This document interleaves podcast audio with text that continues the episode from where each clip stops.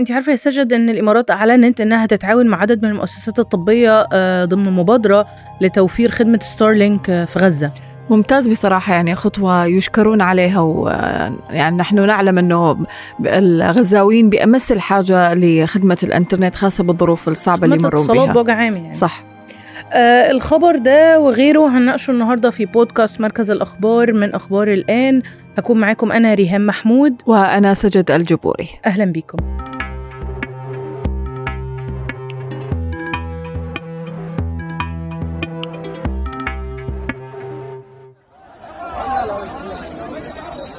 أول أخبارنا هتكون عن أبرز التحركات الدولية لخفض التوتر آه، على الحدود بين لبنان وإسرائيل.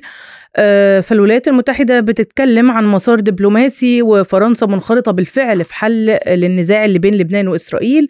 ودعت واشنطن لاستخدام القنوات الدبلوماسية لحل التوترات على الحدود بينهم بعد سلسلة من الغارات الإسرائيلية على الجنوب اللبناني. نعم ريهام حيث الناطق باسم وزارة الخارجية الأمريكية ماثيو ميلر قال لصحفيين ما زلنا نعتقد أن هناك مسارا دبلوماسيا للمضي قدما وسنواصل الدفع قدما لمحاولة حل هذه القضية دبلوماسيا وقال أيضا لا نزال قلقين من التصعيد في لبنان وأحد أهدافنا الأساسية منذ بداية هذا النزاع هو هو أن هذا النزاع لا نريد له أن يتوسع.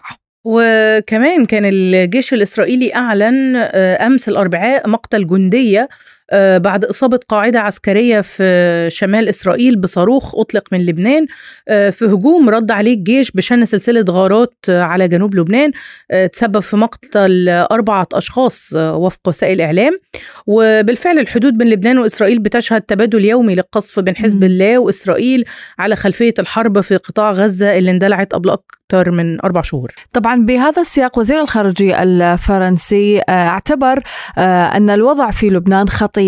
لكنه بنفس الوقت لم يبلغ إلى نقطة اللا عودة يعني ممكن يكون هناك آه، تفاهم. وقال أيضا أمام الجمعية الوطنية أن فرنسا منخرطة في حل هذا النزاع خصوصا لتجنب التصعيد وحرب جديدة في لبنان. وأضاف خلال زيارته الأخيرة لإسرائيل وأيضا إلى لبنان قدم مقترحات لتجنب هذا التصعيد وتوسع نطاقه وقال بأن الوضع خطير لكن ممكن يكون هناك فرصة للتفاهم. وكمان آه، آه، خطة وزير الخارجية الفرنسي وفق مصادر دبلوماسية هتنص على وقف الأعمال القتالية على جانبي الحدود وانسحاب مقاتلي حزب الله لمسافة تتراوح من 10 ل 12 كيلو متر من الحدود. وكمان يعني بينص على التطبيق الكامل لقرار 1701 اللي أصدره مجلس الأمن عام 2006 لوضع حد للحرب بين الجانبين.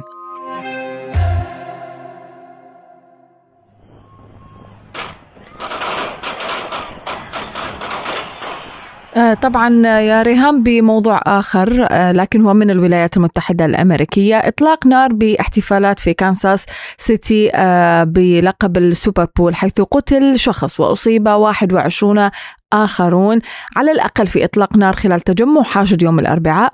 بالاحتفال بفوز فريق كانساس سيتي تشيفز بلقب دوري كرة القدم الأمريكي السوبر بول وفق ما أفادت به إدارة الإطفاء بالمدينة الواقعة في ولاية ميزوري. وقال أيضا متحدث باسم إدارة الإطفاء أن ثلاثة من المصابين في حالة حرجة وخمسة آخرين أيضا بحالة خطيرة.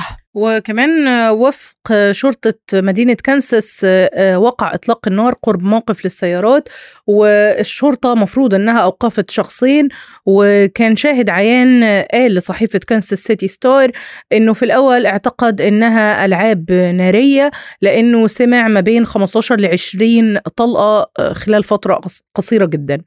ومن بعد الحادث انتشر عناصر الشرطة بأعداد كبيرة في مكان الحادث وطوقوا آه، مسرح الجريمة. طبعا يفوق عدد موضوع الأسلحة بالأسلحة النارية ووجودها ما بين الأيادي الأفراد والمواطنين في أمريكا. هذا موضوع مقلق جدا للسلطات الأمنية ودائما ما يتم إثارته حيث تدفع الولايات المتحدة ثمنا باهظا جدا لانتشار الأسلحة النارية على أراضيها وسهولة حصول الأمريكيين على هذه الأسلحة. مثلا يفوق عدد الأسلحة الفردية عدد السكان تخيلي. حيث يمتلك شخص بالغ من كل ثلاثة سلاحا واحدا على الأقل ويعيش شخص بالغ تقريبا من كل شخصين في منزل يوجد به هذا السلاح. آه، أرقام حوادث إطلاق النار عندهم مرعبة. آه، فعلا. ففي سنة 2021 نحو 49 ألف شخص آه، لقوا حتفهم بحوادث إطلاق النار آه، وبالرصاص في الولايات المتحدة. مقارنة ب 45 ألف شخص في 2020 آه، وكان أصلا 2020 يعد عام قياسي لأن الرقم م. كبير جدا. ومفروض أن الأرقام دي بتمثل أكتر من 130 حالة يوميا أكتر من نصها كمان حالات انتحار. دعينا نذهب يا ريهام إلى اليابان مثلا نتحدث عن اقتصاد اليابان حيث قوة الاقتصاد الياباني تدنت بعد الانخفاض الحاد في قيمة الين عملة اليابان حيث حقق الاقتصاد الياباني نموا تقريبا بنسبة 1.9% لكن هذا العام الماضي وفق ما أظهرت بيانات رسمية. لكن ألمانيا تجاوزت أو رغم ذلك تجاوزت اليابان لتصبح ثالث أكبر اقتصاد في العالم ويعود ذلك بشكل أساسي إلى الانخفاض الحاد في قيمة skulle amle.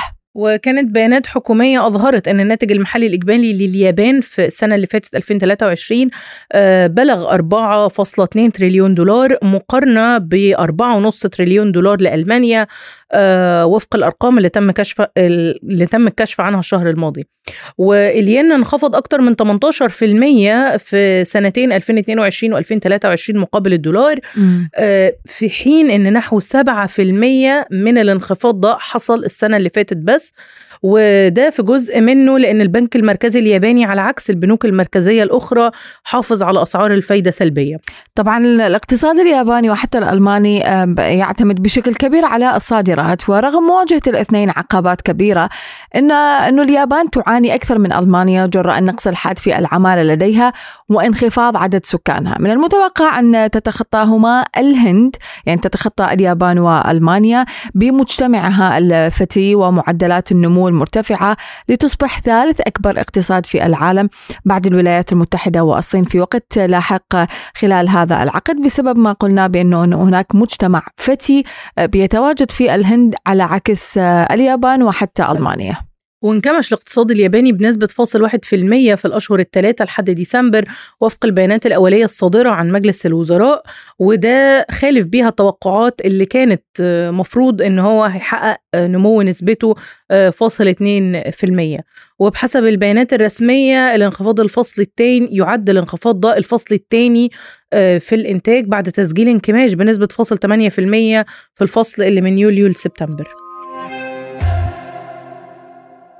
ريهام راح نختم مع العنوان اللي انت حضرتك ذكرتيه بالبدايه متعلق بالإمارات وإنه هي ستتعاون مع عدد من المؤسسات الطبية ضمن مبادرة توفير خدمة ستارلينك في قطاع غزة حيث أعلنت دولة الإمارات أنها تعمل مع عدد من المنظمات والمستشفيات الدولية والإقليمية على توفير خدمة ستارلينك للاتصال عبر الأقمار الصناعية التابعة لشركة سبيس إكس في المستشفى الميداني الإماراتي الموجود في داخل قطاع غزة. وكانت وزارة الخارجية الإماراتية أكدت أن الخطوة بتؤكد الجهود الحثيثة اللي بتبذلها الدولة آه، للتضامن مع الشعب الفلسطيني في ظل الحرب المستمرة وأشارت آه، لأنه هيتم توفير خدمة ستارلينك للإنترنت في المستشفى الإماراتي الميداني زي ما قلتي وده لتقديم الاستشارات الطبية اللي هتساهم في إنقاذ حياة المرضى آه، من خلال تقنية الاتصال المرئي في الوقت الفعلي. طبعا شددت الوزارة على أهمية توفير خدمة الإنترنت الفعالة والسريعة لضمان تقديم أعلى مستوى للرعاية الطبية في المستشفيات التي توفر العلاج الطبي للمصابين والمرضى الفلسطينيين في قطاع غزة.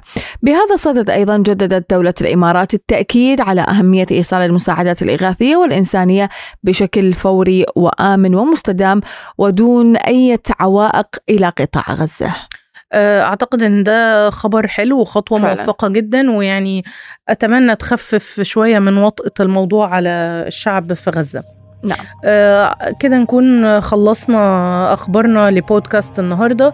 استنونا بكرة في نفس الميعاد في بودكاست جديد من بودكاست مركز الأخبار من أخبار الآن. كنت معاكم أنا ريهام محمود. وأنا سجد الجبوري. شكرا لكم ونلتقيكم نحن وأيضا بقية الزملاء غدا بنفس الموعد. شكرا.